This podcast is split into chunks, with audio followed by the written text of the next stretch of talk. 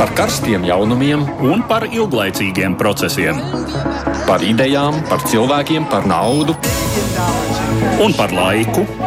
Par abām mūsu planētas puslodēm, un lietojot abas smadzeņu puslodes.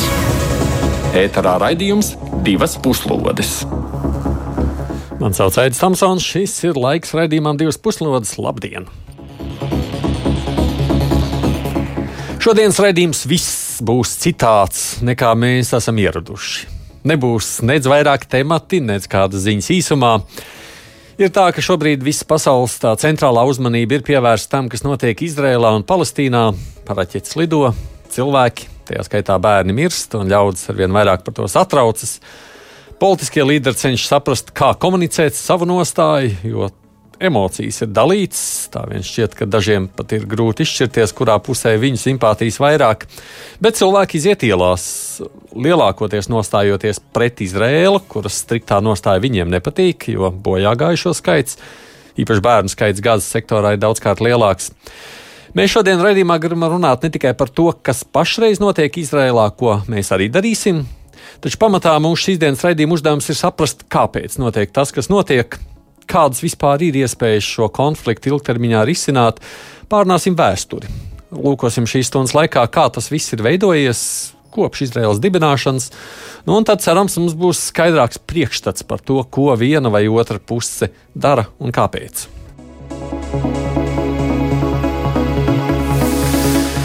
Lai vieglāk būtu visam sekot līdzi, mēs arī raidījumā pieturēsimies pie chronoloģiskās lietu kārtības. Mēs sāksim ar vēsturi un tad iesim uz tagadni. Kā ierasts otrs raidījuma līdzautors Edvards Liniņš ir pie klausulas. Sveiks, Edvard! Esiet sveicināti!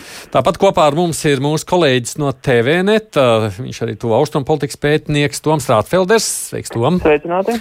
Un tuvākajās minūtēs arī mūsu raidījumam pievienojies vēsturnieks muzeja ebreja Latvijā direktors Ilja Ļenskis. Labdien jums! Labdien!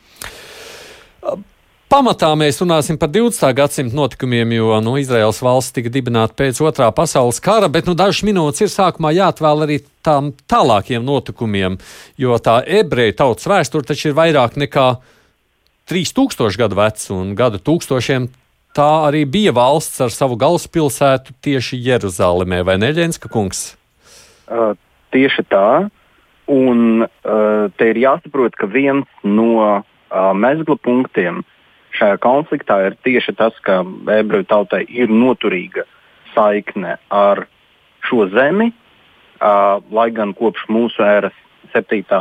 gadsimta um, ebreji bija mazākumā un viņiem tur nebija politiskās varas, bet jebkurā gadījumā uh, Izraēla zeme un Jeruzaleme atradās ebreju nacionālā un reliģiskā narratīva centrā.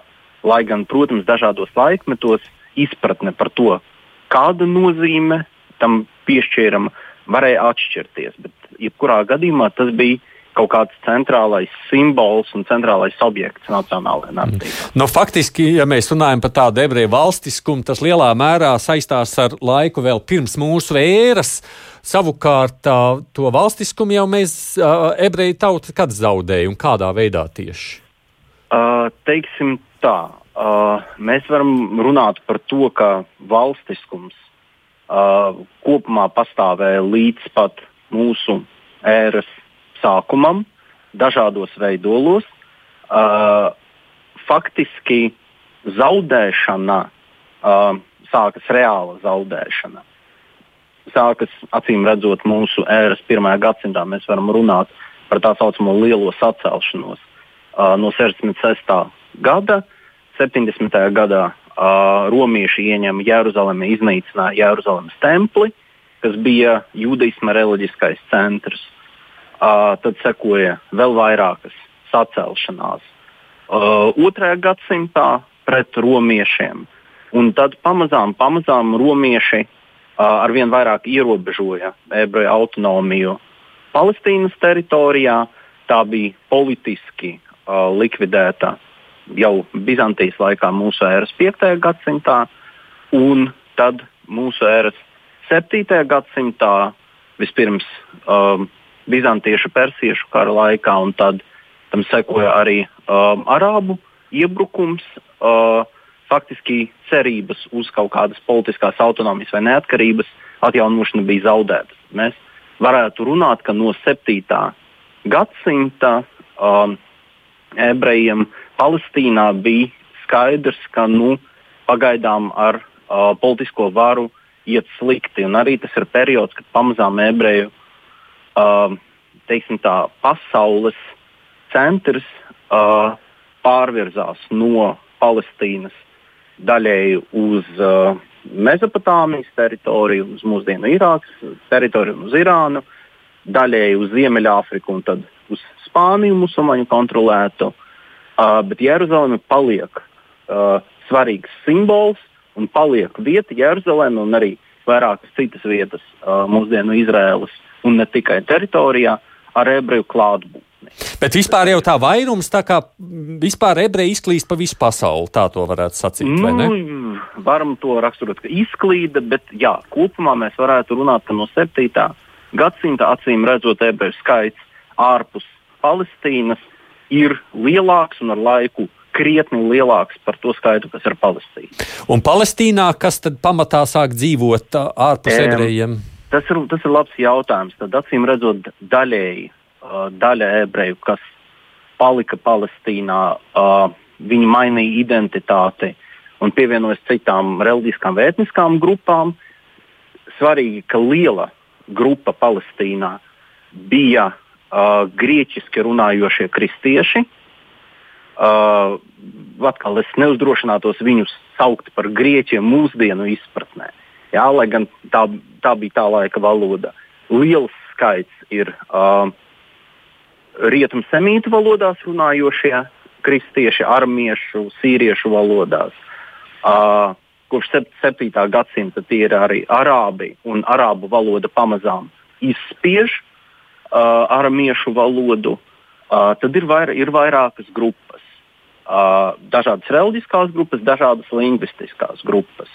Un tā reliģiskā daudzveidība turpina vairoties viduslaikos. Mm -hmm. Var sakot, tāda ļoti jaukta, uh, raiba uh, aina tur veidojās. Es nezinu, vai uh, Eduardam vai Tomam ir ko par šo laiku, faktiski nu, par laiku līdz 19. gadsimtam, ko piebilst. Nu, faktiski, laikam, nē. Ilija jau ļoti mm -hmm. izsmeļoši izstāstīja šo vēstures gaitu. Uh, un, uh, nu, vēlreiz uzsverot to, ka patiešām pakāpeniski viduslaiku, jauno laiku gaitā eh, ebreju procentuālā um, daļa eh, toreizējās Palestīnas um, iedzīvotāju skaitā arvien mazinās. Un, uh, ja mēs nonākam līdz 19. gadsimta beigām, līdz cionismu kustības sākumam, tad ap to laiku ebreji tur ir starp 5 un 7 procentiem. Mm, ļoti mazs skaitlis. Tagad mēs esam atnākuši līdz 19. gadsimta beigām. Paliekam pie šīs vēl tāda pieturas punkta mazliet. Kas notiek, jeb kas notiek šīs 19. un 20. gadsimta mijā, ja mēs skatāmies teritorijā, kas ir ap Jeruzalem, tātad Palestīnas pusē?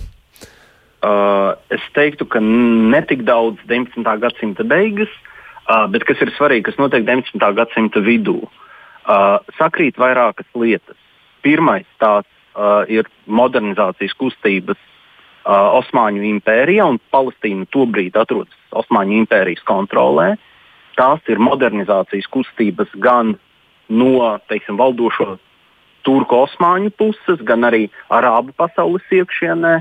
Notiek uh, Eģiptes un turku konflikts. No vienas puses, no otras puses tā ir ekonomiskā modernizācija, kas sākas uh, Osmaņu impērijā. Tā ir arī rietumu valstu ienākšana šai teritorijā, jo rietumu valstis vai tā, liel, lielvaras uh, sevi pasludināja par dažādu uh, etnoreliģisko grupu aizstāvjiem.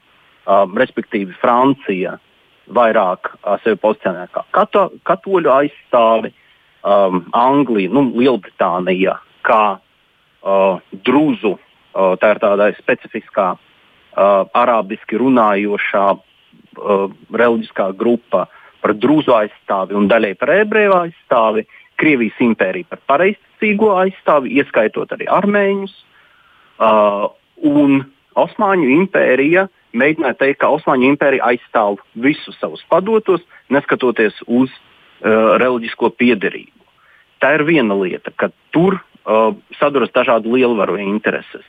Tur notiek ekonomiskā attīstība, un tieši ar to saistās no vienas puses uh, pilsētu izaugsme, jo pirms tam Palestīna bija, protams, pārsvarā um, lauksaimniecības reģions, un ar to saistās infrastruktūras uzlabošana.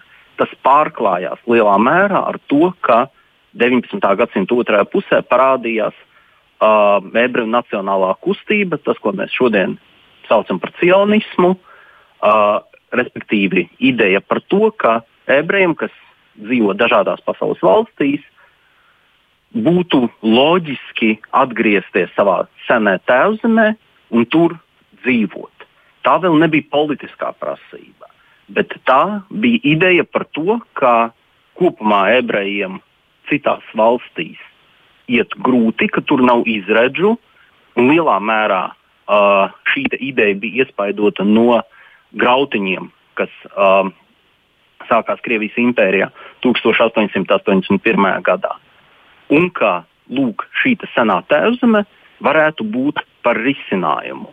Ka tas ir risinājums ne tikai tam, ka ebreji Krievijas impērijā cieš no vardarbības, no ierobežojumiem, bet arī tas, ka ebrejiem uh, ir nenormālā, kā tas toreiz tika aprakstīts, sociālā struktūra. Respektīvi, tas, ka no viduslaikiem ebreji bija pārstāvēti tikai noteiktās profesijās, un daudzi cionisti teica, ka mums ir jāatgriežas mūsu senā tēvzemē un mums ir jādzīvo mūsu senču dzīvesveidu. Respektīvi, mums jāatgriežas pie lauksaimniecības, mums ir jābūt tādai pašai normālai tautai, kādas ir Arī citas, citas. Ja drīkst to mazliet interesants, jau tas ir fakts, vai ne, ka visā šajā milzīgajā vēstures laika periodā um, nu, ebreji spēja saglabāt šo savu nacionālo un neizjukt, jeb neizšķīst visā kultūras daudzveidībā, vai ne?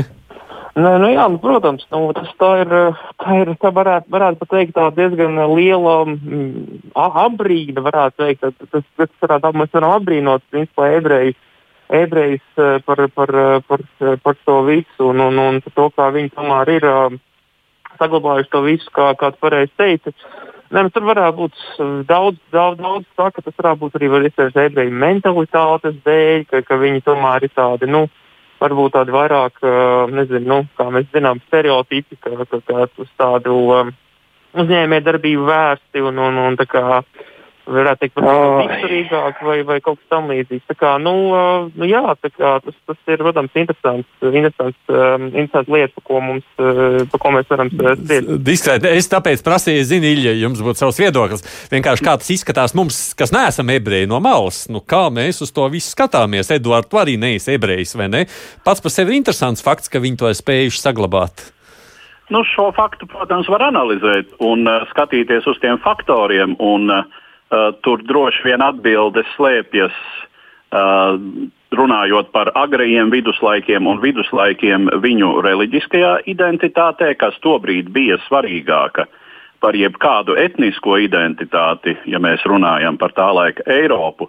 Un tā bija tāda, nu, teiksim, uh, ebrejus vismaz agrajos viduslaikos un, teiksim, tais attīstītajos viduslaikos sākumā uh, uztvēra kā mm, nu, tādu pozitīvi e, integrējamu elementu, respektīvi nebija šīs aktīvās izstumšanas no kristiešu sabiedrības, e, kāda tā bija, respektīvi to ebreju vietu tā laika sabiedrībās uztvēra kā kaut ko loģisku, ka viņi ir mums radniecīgi, nav nīdējami un nīstami. Šie elementi sāk parādīties vēlāk, nu, faktiski līdz ar krustakaru laikmetu droši vien, ka Ilja man piekritīs, eh, kad Jā, Eiropā noteikti. pirmo reizi parādās ebreju grautiņi. Un tas ir tieši krustakaru šīs kristietības, reliģiskās psihozes lielā mērā uh, ietekmē.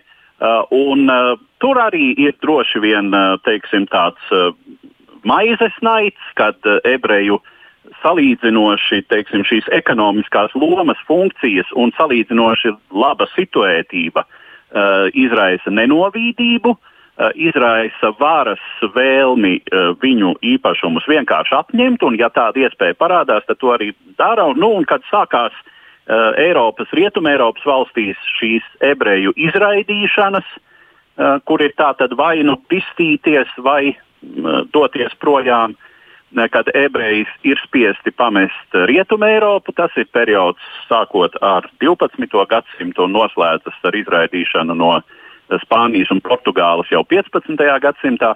Un ebreji pārceļas arvien vairāk uz Eiropas austrumiem, dienvidu austrumiem, uz Balkāniem, uz toreizējo Polijas, Lietuvas valsti. Uh, nu, tā tad, mm -hmm. jā, sākotnēji tā, tie apstākļi šīs identitātes saglabāšanai bija uh, salīdzinoši uh, labvēlīgi. Mm -hmm. Un tikai pamazām brieda šis, šis antisemītisma fenomens Eiropā, kas dažiem ebrejiem lika asimilēties, bet nu, lielākā daļa migrēja tur, uz tām teritorijām, kur varēja savu identitāti saglabāt. Kā jau teicu, Jā. tā tie bija Eiropas austrumu dienvidu. Mums netālie. Savukārt, es nevaru ies, iesaisties uz šo uh, periodu, tāpēc mēs ejam uz priekšu. Ir, uh, Pirms otrā pasaules kara, kā jūs raksturot to situāciju, kāda ir, un es tiekšu teikšu Palestīnā, Ilģa, kāda ir Palestīnā pirms otrā pasaules kara? Āina. Jā, es, es tikai piebildīšu vienu lietu uh, pie jau teiktā. Uh, par viduslaikiem, bet tas patiesībā jau ievēlkas tai pašā Osmaņu impērijā līdz pat 19. gadsimta nogalē.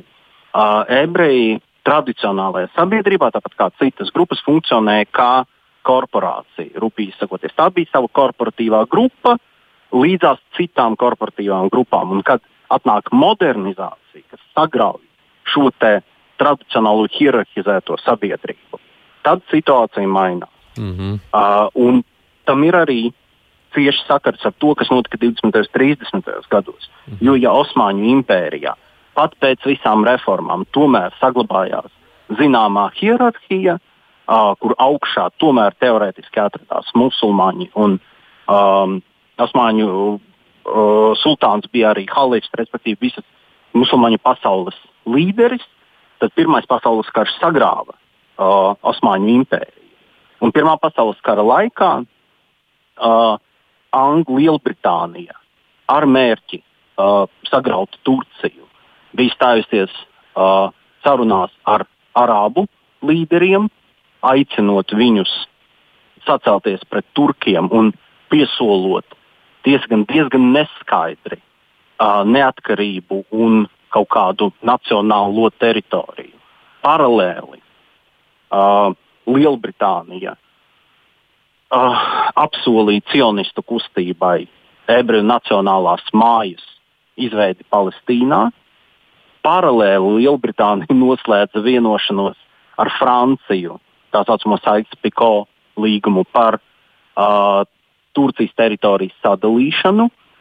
Un rezultātā, kad beidzās Pirmais pasaules karš, uh, visi šīs situācijas dalībnieki Palestīnā jutās uh, piekrāpti. Jo katrs cerēja, protams, ka pēc uh, Turcijas sakāves viņiem tiks tas, kas bija nu, tas, kas kāros. Jā, rezultātā sanāca tā, ka tuvie austrumi tika sadalīti starp Angliju un Franciju. Francija ieguva mandātu uh, Sīrijai un Libānai, um, Lielbritānija uh, Palestīnai, kas iekļāva arī Jordāniju. Jordānija 21. gadā faktiski atdalīja uh, un izveido atsevišķu teritoriju. Tā pati Hašemītu ģimene, kas sāka valdīt 21. gadā, valdē Jordānijā arī šodien. Un tie ir tie paši cilvēki, kas savulaik bija Mekas, tā saucamie šarifi, ļoti respektējami ģimene Arābu pasaulē, bet kas bija saistīta 20. gadsimtā ar Britiem.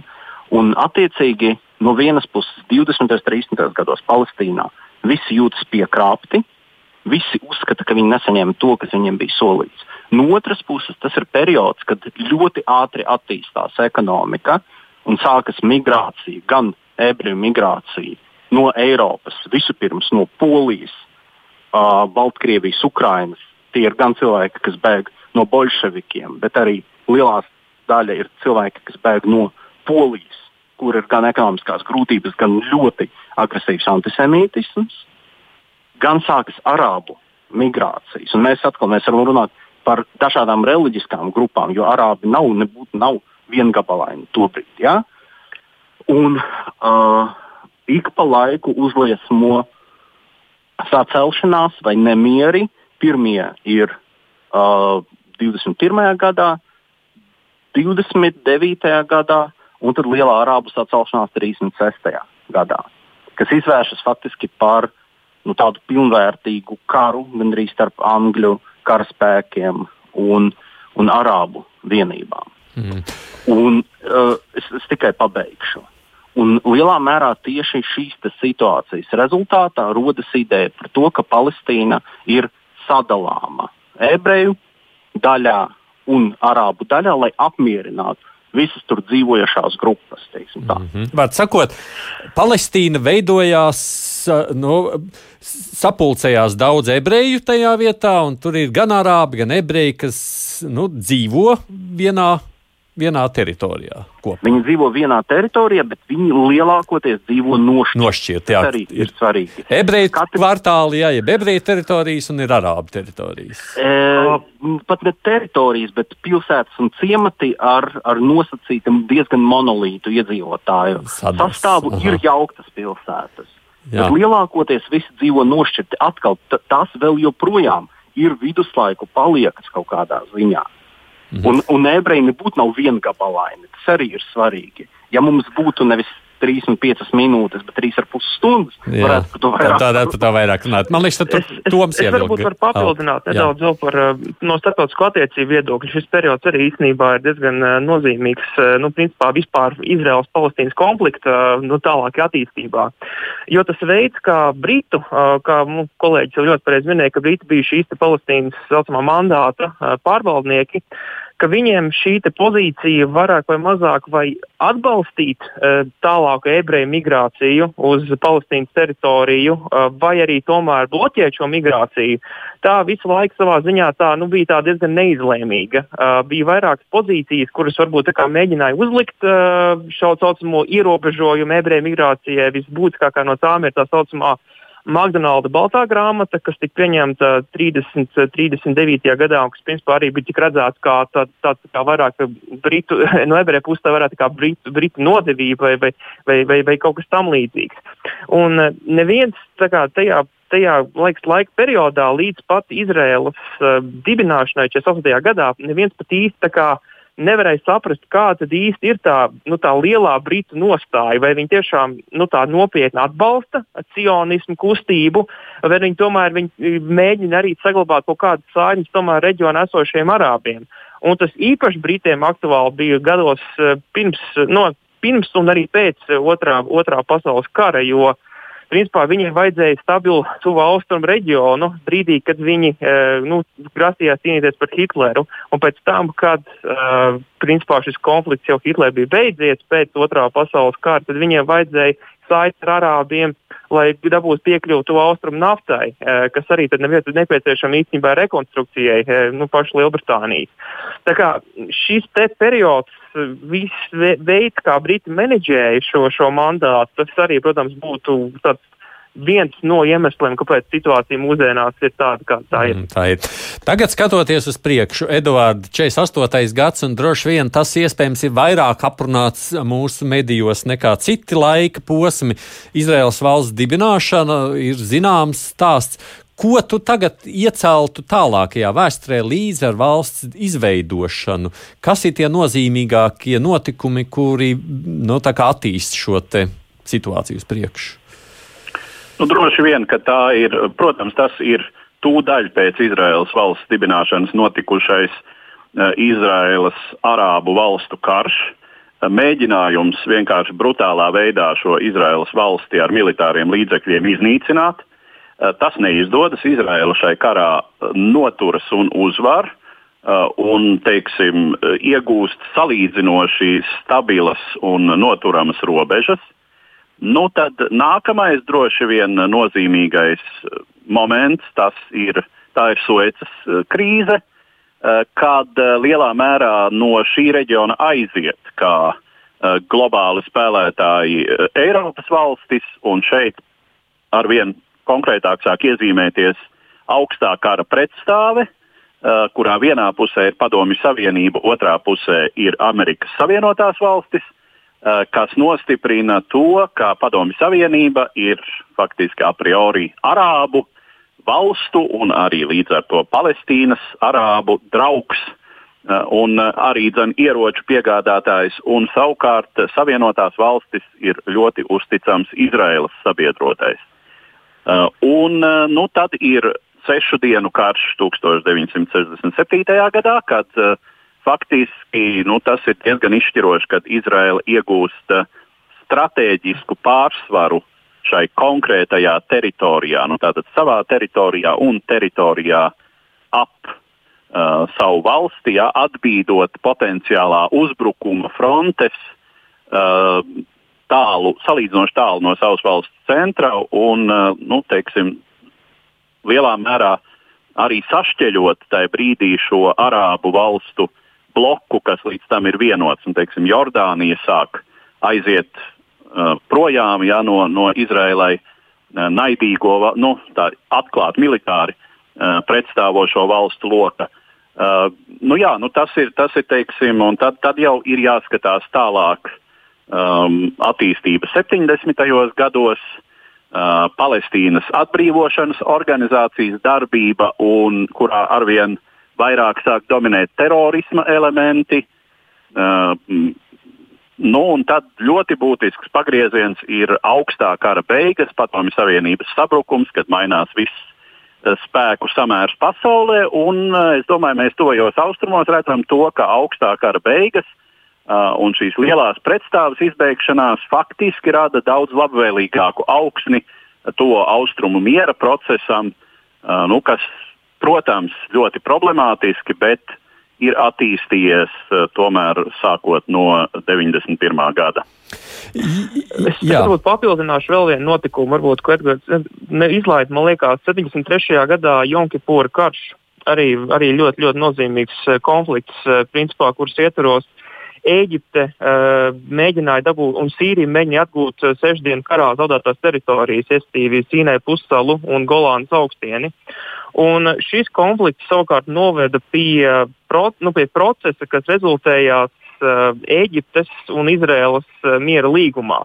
Un tas tajā laikā bija ļoti, ļoti būtiski, tā bija ļoti būtiska attīstība no starptautiskā attiecību viedokļa, jo uh, apkārt esošās arābu valstis Izraēlu neatzina un nevēlējās par to slēgt miera līgumus. Eģipte principā kā šis arābu līderis, kas bija Nāstera laikā, 50. un 60. gados, eh, principā to izdarīja. Un tas uh, arī ievadīja tādu, var teikt, arābu nacionālismu uh, beigu posmu uh, tuvā austrumu vēsturē un arī piešķīra, protams, jaunu dinamiku Izraēlas-Palestīnas konfliktam. Ilja, skatoties jums kā vēsturnieks, vai, vai tos konflikts, kurus mēs tādu pieminējām, karus, sešdienu karu un visas tās pārējās lietas, kas tādi ir, Vai to varētu nodēvēt par nu, šo divu esošo, kā jūs teicāt, nošķirto teritoriju sadalīšanu savā starpā? Nu, kur tad ir tālāk arābi, kur paliek ebreji? Kaut kā tā? Uh, no vienas puses, jā, no otras puses, uh, problēma tāda, ka, kā jūs zināt, 47. gadā ANO pieņēma nosacīto plānu, kā šī teritorija ir dalāma. Uh, Izraela 48. gadā pasludināja neatkarību nu, tajās robežās, kas bija iedalītas, un uh, tad sākās šie kari. Un, no vienas puses, jā, mēs varētu teikt, ka tas ir mēģinājums šo te teritoriju pārdalīt, no otras puses, uh, problēma bija tāda, ka ilgu laiku uh, vienīgais variants, kā Izraels kaimiņi uh, bija gatavi šo teritoriju dalīt, ir tādi, ka viņi nomet ebrejus jūrā kā viņi to raksturoja. Uh, un, protams, ka pēc holokausta Izrēlā tas tika uztvērts vairāk nekā nopietni. Tas vienkārši tika uztvērts eksistenciāli. Ka, ja kāds saka, ka viņš tevi grib nomest jūrā, tad visdrošāk viņš mēģinās to darīt un izmantos jebkuru iespēju to darīt. Uh, tieši tāpēc miera līgums ar Eģipti bija tik svarīgs pagrieziena punkts. Un pirms tam jau sarunas ar Jordāniju, kā kļuva saprotams, ka ir iespējams panākt izlīgumu ar kaimiņiem. Uh, tas nav labākais miers, kas, kas varbūt tas nav ASV un Kanādas attiecības, ziniet, vai Francijas un Monako. Bet tas ir miers, un Izraēlas turisti var braukt uz Jordāniju. Tas, tas ir ļoti svarīgi. Mm -hmm. ka, nu, sākotnēji tas nebija jautājums par pārdali. Tas bija jautājums par kaut kādām eksistenciālām lietām, kas pārvērtās par normālu diplomātiju. Un šodien starp Izraēlu, Jordānu un Eģipti ir diplomātiskās attiecības. Mm. Varbūt komplicētas, bet, bet, Tomēr bet normālas. Ir, bet ir, Tā ir kaimiņu būšana normāli. Pabeidzot šo vēsturisko apskatu, pirms mēs tālāk runāsim ar citiem par vēl klāt viesiem par to pašreizējo situāciju, kā jūs uh, sacītu, Ilja, uh, kāpēc nevarēja izdarīt tā, nu, ka palestīnieši dzīvo atsevišķi, viņiem ir sava valsts, un ebreji dzīvo atsevišķi, viņiem ir sava valsts? Uh, teiksim tā, uh, tā bija sākotnējā ideja, kad runāja par sadalīšanu. Jā. Uh, problēma bija tāda, ka toreiz uh, Arābu valstu līderi es teicu, ka, viņi, ka viņiem bija cerība, ka viņiem izdosies Izraelu vispār notīrīt no kartes, un par to tas pats Nasers runāja, kurš 48. gadā Nasers nebija pie varas. Jā, viņš nāk tikai 50. gados. Jā, bet visus 60. gadus tas ir viņa mērķis - nosaucīt Izraelu no kartes. Un vēl viena uh, problēma, mēs varētu teikt, ka uh, ļoti ātri, jau 49. gadā faktiski, uh, arābu līderi, vismaz daži no viņiem pamēģināja šo problēmu pārvērst par mūžīgu problēmu, par mūžīgu starptautisku problēmu. Uh, respektīvi, kad, kad mēs runājam teiksim, par, uh, par bēgļu problēmu, jā, vai, vai tu, uh, kas vēl joprojām, kā jūs zināt, ir vietas, kas skaitās bēgļu nometnes, tas jau sen ir pilsētas, normālas, bet ļoti nabadzīgas un ļoti problemātiskas, bet vēl joprojām skaitās bēgļu nometnes. Tad uh, kaut kādā brīdī Izraēlas kaimiņi ieņēma, nu, tā, viņi uzņēma kursu uz to, ka mēs mēģinām šo problēmu mūžīgi uzturēt. Un uh, ilgu laiku, diemžēl, kaimiņi nebija interesēti šīs problēmas risināšanā. Jā, uh, grūti teikt, ka tā ir vaina, bet, uh, bet tieši, atkal, tieši tāpēc šie līgumi 70. gados bija tik svarīgi, ka, ka kļuva skaidrs, ka tomēr ir kaimiņi, kas ir gatavi atrisināt. Bet atcerēsimies, kas notika ar prezidentu Anvaru Sadatu, Eģiptes prezidentu, kas noslēdza mm. likumu ar Izraelu. Viņu 81. gadā noslepkavoja. Mm. Uh, lūk, šāda ir problēma, ka kaut kādā brīdī, diemžēl, uh, Arābu valstis lielā mērā arī Padomju Savienības ietekmē uh, gribēja šo problēmu uzturēt. Jā, ja, ja, ja būtu tik vienkārši, ka, nu, labi, dzīvojam katrs atsevišķi, nebūtu problēmas bet tas ir starptautisks konflikts ar saknēm daļēji vēl 19. gadsimtā kaut kādā ziņā, Pirmā pasaules kara. Tas ir drausmīgi sarežģīti. Mm -hmm. lūk, lūk, tā, tāpēc, un, un šodien mēs redzam tā izskaitā rezultātus visiem šiem uzslāņojumiem kaut kādā ziņā. Jā. Nu, vēl arī var varbūt pašu, pašu pēdējo var pateikt. Uh, arī ļoti daudz arī spēlējuši ir abu pušu, tā teikt, um, gan Izraēla, gan palestīniešu nepiekāpšanās un neelastība. Uh, varbūt nu, kolēģis, kā vēsturnieks, protams, ja es kļūdos, var palabot, bet, ja nemaldos, tad uh, arī tajā brīdī, kad tika noslēgta šī ANO uh, vienošanās par nu, par, par sadalīšanu Izraels un Palestīnas valstīs, tad sākotnēji it kā abas puses bija pret, bet ebreji sāka eventuāli to vienošanos atbalstīt, bet arābi uh, tik un tā palika pie šīm, pie šīm kategoriskajām pozīcijām un to visu noliedza uzreiz. Mm -hmm. Un tas ir vēl viens iemesls, arī, kāpēc uh, tagad Izrēļi šajā konfliktā principā turpina teikt, ka viņi jau ir tie, kas ir tā teikt, vairāk piekāpušies, uh, nu, šim, lai, lai, lai kaut kādā veidā no, notiktu um, panākšana konflikta virzienā. Bet palestīnieši visu laiku ir bijuši nu, tie apmēram, kuri īsti nepiekāpjas un arī ne, nepiedāvā nekādas risinājumus. Tā teikt, viņi vairāk kā protestē, um, karo, bet uh, īsti, īsti nu, teikt, um, ne, nav vērsts uz kompromisu. Okay.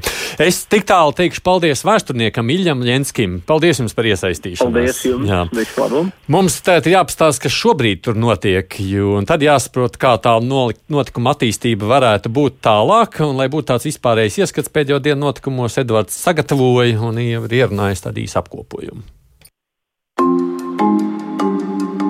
Pēdējās nedēļas laikā bruņota konfrontācija starp Izraēlas aizsardzības spēkiem un palestīniešu kaujiniekiem turpinājusies, strauji augot upuru skaitam Gazas joslā un ejot bojā arī vairākiem Izraēlas iedzīvotājiem.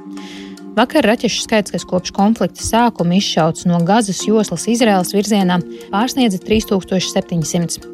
Apmēram 90% no šīm raķetēm pārtver Izraels pretgaisa aizsardzības sistēmu. Daudzas nokritušas neapdzīvotās vietās, taču dažas sasniegušas mērķus. Līdz vakardienai šajos raķešu uzbrukumos pēc izdevuma Times of Israel ziņām bojā gājuši 12 cilvēki, tā skaitā trīs ārzemju viesstrādnieki. Daudz smagāk ir upuri Gazas joslā, pret kuru Izraela vērš pamatā aviācijas raķešu triecienus. Kā uzsver Izraels militāristi, šie triecieni ir precīzi tēmēti un vērsti tikai pret kustības Hamas un citu kaujinieku objektiem un pozīcijām, taču biezi apdzīvotajā Gazā, kur pie tam ir maz patvērtņu, civiliedzīvotāju upuri ir neizbēgami. Kaujinieki izmanto plašu tuneļu sistēmu, izrēliešu dēvētu par metro, kas bieži rakta tieši līdzās dzīvojamām mājām. 16. maija rītā Gazā tika sagrautas trīs dzīvojamās mājas, nogalinot 42 cilvēkus, un, kā norādījusi Izraēlas puse, šīs katastrofas iemesls varētu būt metro tuneļa atrašanās ēku pamatu tiešā tuvumā. Pastiprinātu starptautiskās sabiedrības uzmanību piesaistījusi Alģelā mēdīju augstceltnes sagraušana Gazas joslā 15. maijā. Ēkā bija izvietota kanāla Alžēzīra un aģentūras Associated Press biroji, taču, kā apgalvo Izraels puse, arī kustības Hamas izlūkdienestu telpas. Žurnālisti tikai iepriekš brīdināti par uzlidojumu un bojā gājušo nebija. Tiek ziņots, ka pavisam līdz vakardienai Gazas joslā gājuši bojā 227 cilvēki, ap 1600 ievainoti.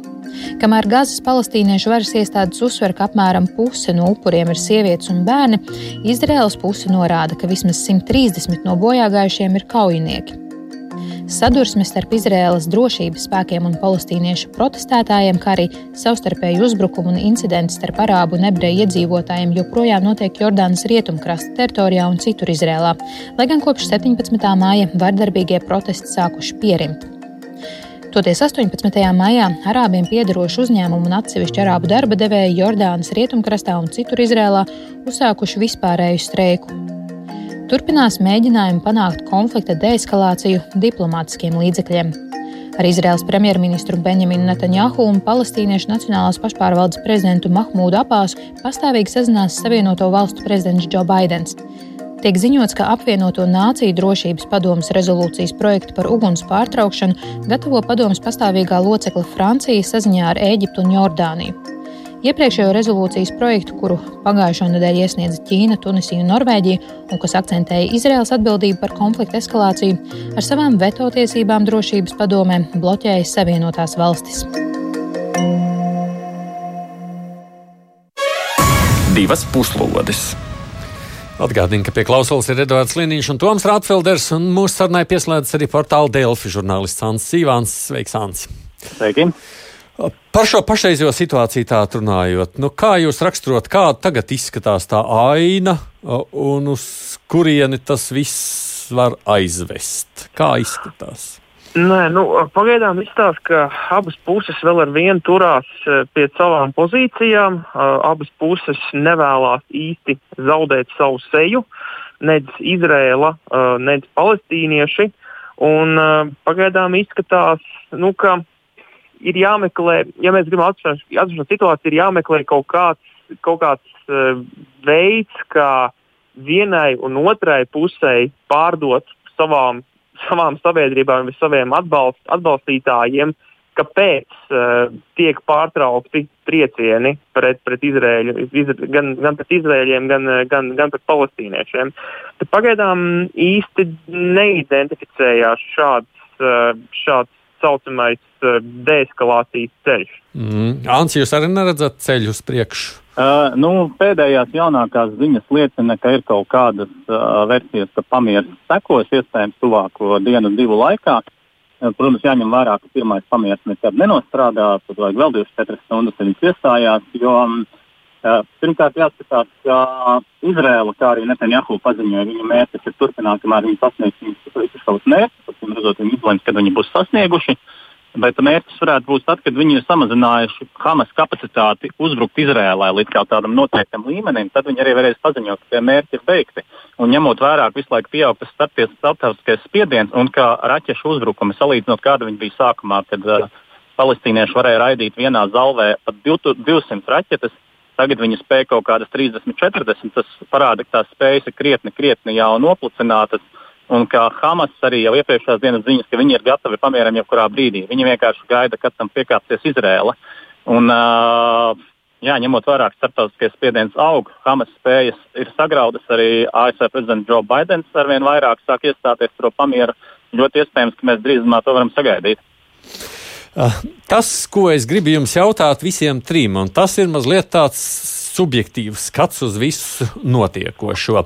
Mēs redzam, kas notiek no vienas puses ļauj dažviet pilsētu ielās, kur cilvēki iziet demonstrācijās paužot simpātijas palestīniešiem. Kamēr mēs redzam no politiķiem, tā aina ir citāda kur lielākoties jau politiķi saka, jā, jā, Izrēlē ir tiesības, un viņi arī nostājas, nenostājas pret Izrēlu.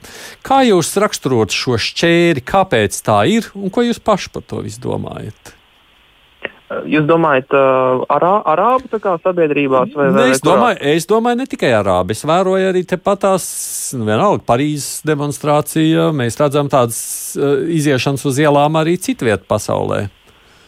Nē, nu, jā, nu, principā tas ir tas klasiskais stāsts par to, ka principā sabiedriskais uh, viedoklis savā ziņā mm, tiek nošķirts no valdības viedokļa, mm -hmm. mēs zinām, ka valdības ir uh, vairāk vai mazāk nu, Eiropā.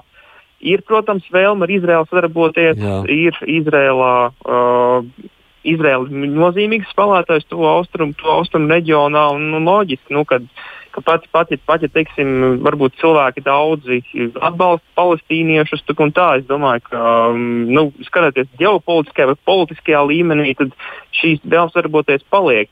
Ja mēs runājam par arābu sabiedrībām, tad, tad arī šis ir uh, mūžšanais stāsts, uh, ka šis saucamais arābu, arābu ielas fenomens, kas, uh, kas savā ziņā varbūt līderiem sas, sasiena rokas dažkārt, eh, pat, pat ja viņi vēlētos, teiksim, nu, vairāk, vairāk ar Izraelu, vairāk Izraelu sadarboties. Eh, nu, varbūt paskatāmies kontekstu. Pēdējos gados vispār ir bijis tā, ka Izraels-Palestīnas konflikts ir nedaudz pat uh, izgājis no tuvu austrumu uh, dienas kārtības augšgalu, dodot priekšroku uh, Irānas jautājumam. Uh, Nu, tad to pavada arī tas, ka daudzas arābu valstis vēlās ar Izraēlu lēnām slēgt eh, normalizācijas līgumus, eh, miera līgumus. Redzējām arī Abrahama nolīgumu nesen pagājušajā gadā, kad apvienotie Arābu Emirāti un Bahreina noslēdza Izra Izraēlu miera līgumus. Un, eh, un, bet tas nenozīmē to, ka, protams, sabiedrībās vēl ar vienu nav kaut kādā veidā solidaritāte šiem, šiem mm -hmm. palestīniešiem. Nu, netiek izjusta. Un es domāju, ka šie, šīs situācijas ietvaros mēs ļoti labi piemēram redzēt, nu, ka tomēr šī arābu iela kaut kādā veidā vēl ar vienu dzīva ir. Uh, bet, nu, protams, jautājums, vai tas uh, kaut kādā veidā varēs mainīt uh, šajā gadījumā arābu valstu ārpolitiku pret Izraelu, ko viņi ir uzņēmuši. Jā. Ko jūs pārējie sakāt par šo? Nu, jā, nu, te varētu piebilst, ka cilvēkiem emocionāli, protams, gribas parasti nostāties tā kā vājākā pusē, aizsargāt, ņemot Izraela ir spēcīgākā valsts reģionā ar milzīgu militāro potenciālu, un tad ir, protams, nu, gribas nostāties to pusē, kur ir kā cieši civiliedzīvotāji. Un, uh, ir kaut kādas ciešanas. No, nu jā, tur bet bērni jāņem, iet bojā un tam līdzīgi, jā, skan bet, dramatiski. Bet jāņem vērā par šo, ka arī Palestīna, es atvainojos, tas Palestīna, bet kaujinieki un Hamas to izmanto jau gadiem šos narratīvus, ka viņi kā cietēji, noklusējot bieži vien daudzus faktus, jo, piemēram, par tiem pašiem bojāgājušajiem no Hamas mēs jau nevaram iegūt precīzus datus, kā viņi gājuši bojā. Ir, jo, piemēram, Izraela pati aizsardzības spēki saka, pāri pa 500 raķetēm nemaz nav sasniegušas Izraelu, bet nokrituši turpat, turpat Gazā kas nozīmē, ka daļa upura varētu būt arī pašu kaujinieku vaina. Un tas, nu jā, līdz ar to visi šie arī Palestīnas viktimizēšanas narratīvi, jau dziļi iesēdušies sabiedrībā diezgan ilgu laiku kopš visiem miera procesiem, un uh, viņi arī droši vien tā uzreiz nepāriet. Bet tīri no valsts politiskā viedokļa, nu, neviena valsts jau nepārmet Izrēlē, viņi vienīgi aicina uz šo uh, deeskalāciju un pārtraukt šos uzlidojumus, bet viens jau ne, neviens jau nenosoda Izrēlu par, nu, visi piekrīt, ka viņai ir tiesības sevi aizstāvēt. Mm. Vienkārši droši vien, cik ilgi viņi pacietīs to, ka cieš arī citi cilvēki. Nu jā, šis ir tas sarežģītais. Nu, lietosim šo vārdu narratīvs, kas visā tajā rada to problemātisko, kad uh, mēs sakām, jā, ir tiesības aizstāvēt, nu, lūk, un tad aizstāvēšana saka ar, ar, ar krietni lielāku upuru skaitu uz otru pusi nekā uz vienu. Eduards, ko tu saki par šo emocionālo noskaņu? Nu, es droši vien piekrītu tam, ka, protams, pirmā emocionālā reakcija ir un sevišķi, ja ne pārāk labi pārzina vēsturi, tam mēs uh, šīs problēmas mazināšanai veltām šodienas redzējumu, tad, lai vēsturi apzinātos varbūt mazliet labāk. Uh, nu, ir tā reakcija, ka cieši vājākais un upuru skaits te jau nesamērojams. Uh, bet, protams, nu, tā politiskā vara, kas vada nu, pirmām kārtām, kas, kas valda Gazas sektorā, Nu, pirmkārt, eh, to īsti nevar saukt par demokrātisku. Tas ir pirmkārt, nu, un arī attieksme, par ko mēs jau runājām. Uh, principiālā attieksme vienai pusē pret otru. Uh, Izraela tomēr principiāli nekad nav noliegusi arābu tiesības uz savu valsti vai kaut kādām savām teritorijām Palestīnā, kur pretīm tas pats Hamas principiāli joprojām neatzīst Izraels valsts pastāvēšanas tiesības. Arābiem ir tiesības dzīvot Izrēlā neatkarīgi ne no, sava, ne no savas etniskās, ne reliģiskās piedarības, kur pretīm nu, ir pilnīgi neiedomājami, ka kāds ebrejs varētu šobrīd mierīgi dzīvot Gazas sektorā, un tas ir problemātiski arī uh, Palestīnas autonomijas teritorijās uh, rietumkrastā. Uh, Tātad šajā ziņā savukārt, ja vienā ziņā tā disproporcija ir militāri taktiskā ziņā, protams, pārsvars nepārprotami Izraels pusē. Tad tā, tā, tā politiskā ziņā nu, atkal savukārt ir neproporcionāla attieksme pret vienai, pret otru pusi, jā, tātad šai pretējā pusē. Nu, interesants jautājums, kurā varbūt mēs šodien neiedziļināsimies īpaši, un kas nav bijis mūsu raidījuma temats, tas ir tas, kā Latvijā uz to reaģē un konkrēti mūsu sabiedrībā. Te varbūt tā interesantā nianses ir, ka mēs mēģinām arī asociēt ar uh, savu, uh, pirmkārt, latviešu nācijas problemātiku un mūsu neatkarības jautājumu.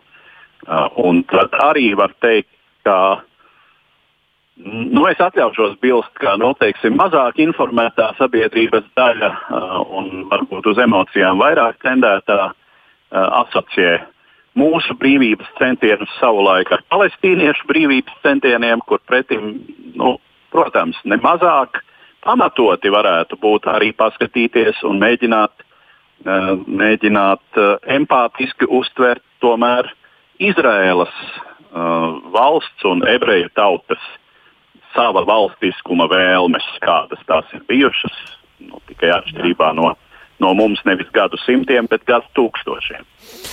Man šeit ir viens tāds aspekts, ko es tikai varu pieminēt, kā repliku. Nezinu, vai jums ir iespēja to komentēt. Mēs Latvijas raidījumā esam šeit intervējuši nevienu vienu, e, Izrēlā dzīvojošu ebreju, vai precīzi sakot, nu, tie, kas ir e, Izraēlas pusē, kā viņi skatās uz tiem notikumiem, kas pēdējās dienās notiek. Bet mums nav bijusi iespēja runāt ar kādiem, kas ir Palestīnas pusē dzīvojošie, jeb no nu, Gazas sektorā vai kaut kur tajā galā. Un mēs, mums bija iespēja aprunāties vai sameklēt arī kādus no latviešiem, kas ir tur, bet viņi baidās ar mums sarunāties. Tas nozīmē, ka, un es saprotu, baidās pat anonīmi. Tas nozīmē, ka tur arī tā iekšējā situācija, iekšpusē viss nav tik vienkārši. Es domāju, Palestīnas pārval, palestīniešu pārvaldītajā pusē.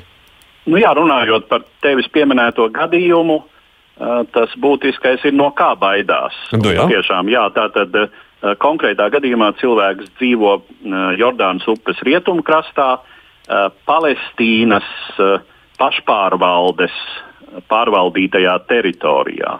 Mm -hmm. Un jā, atteikšanās sarunāties pat anonīmi ar Latvijas radio, ar Latvijas radio kas uh, turienē ir absolūti nu, marginālāku mediju grūti iedomāties.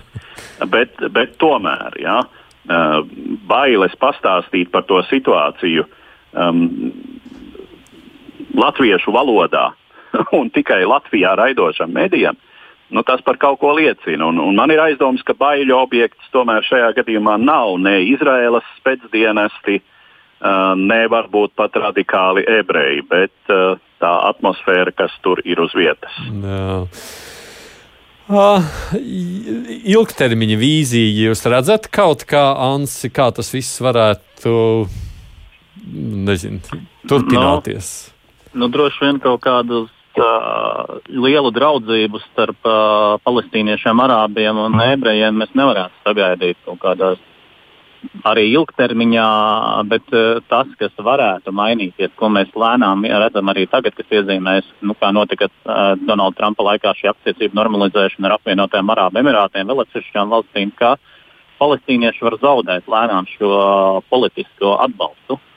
Un, uh, tas šo visu palestīniešu problēmu var pabīdīt kaut kur nu, zemākā plānā no tām pasaules problēmām. Tas attiecīgi varbūt jā, varbūt nē, var nest kaut kādus vairāk risinājumus un likt mainīt kaut kādas stratēģijas. Mm, tom. Jā, nē, nu, tas es pilnīgi piekrītu Ansim šajā gadījumā. Nu, šī dinamika Izraels-Palestīnas konfliktā, ko Donalds Trumps ir eh, nu, piešķīlis ar savu gadsimtu darījumu, nu, tā saucamo pro-izraelisko, kardināli pro-izraelisko pozīciju, eh, es domāju, ka tā nepaliks līdz, nu, līdz galam nepazudīs arī Joe Biden administrācijas laikā. Un, um, šī tendence, ka Arābu valstis tomēr uh, nu, vēlās vairāk vai mazāk balansēt pret Irānu, un Izraela tādā ziņā ir uh, Arābu valstīm nu, izdevīgs sabied, sabiedrotais, tā varētu teikt. Es domāju, ka tā tendence nekur, nekur nepazudīs. Un tad tiešām ir, ir jautājums, vai uh, Arābu sabiedrība, Arābu valstis būs gatavas pārkāpt pāri jau tam, ko mēs tagad Izraels policijas komitē redzam, šī saucamā arābu iela, ka mums ir milzīga solidaritāte pret, eh, pret palestīniešiem, kas, kas cīnās pret Izrēļiem. Vai valdības nu, būs gatavas pārkāpt pāri šim, šim procesam, beig, beigās tomēr uh, izdarīt spiedienu uz Palestīnas autoritāti, pieņemt daudz, daudz neizdevīgākus, varbūt mieru nosacījumus, nekā tā pagaidām ir gatava pieņemt. Un, un, un lielais jautājums ir par, par, par Saudarābiju. Vai, vai Izraēlai izdosies Saudarābiju tagad dabūt savā pusē, un ja Saudija aiziet, tad ir tiešām liels jautājums par to, kas mm. palestīniešiem notiks. Jā, nu es varbūt atļautos spekulēt par to, ka uh, šis konflikts, bet arī viss pārējais starptautiskais konf, konteksts uh, šobrīd uh, vedina domāt, ka gan Izrēlā, gan Palestīnas autonomijā šis varētu veicināt drīzāk mērenāku spēku pozīciju nostiprināšanos. Mēs zinām, ka Izrēlā atkal ir jauna koalīcijas valdība, par kuras tapšanu mēs uh, sacīt vēl pirms, pirms kāda mhm. neilga laika. Uh, visi, ne tikai mēs, bija ļoti skeptiski, bet nu, tā tad uh, ir izveidota jauna valdība, uh, kur atkal ir Netanjahu ar iepriekšējiem salīdzinoši uh, teiksim, uh, kreisākajiem vai centriskākajiem partneriem. Uh, un, uh, Eh, domājams, ka Netanjahu un viņa labējiem sabiedrotajiem būs jāatsakās no tām ļoti rožainajām cerībām eh, teritoriju aneksijas ziņā Jordānas upes rietumkrastā, eh, kuras viņiem pavēra šķietami. Trumpa, Trumpa plāns. Bet... Un savukārt es mhm. pieļauju, ka Hamas ietekme Palestīnas uh, autonomijā arī tomēr varētu mazināties. Nu, tur, tur gan lieta ir sarežģītāka, jo nu, šķiet, ka Gazas sektorā Hamas uh, dominē un vai nu. Eduards ir jābeidz. Es tavu Jā. domu sapratu, bet Edvards Liniņš, Ants Sīvāns no Delfiem, Toms Ratfelders no TV. Net, paldies jums! Interesanto raidījumu studijā bija es, Aits Tomsons, producents Ieva Zeiza. Lūkosim, kā notikuma attīstīsies.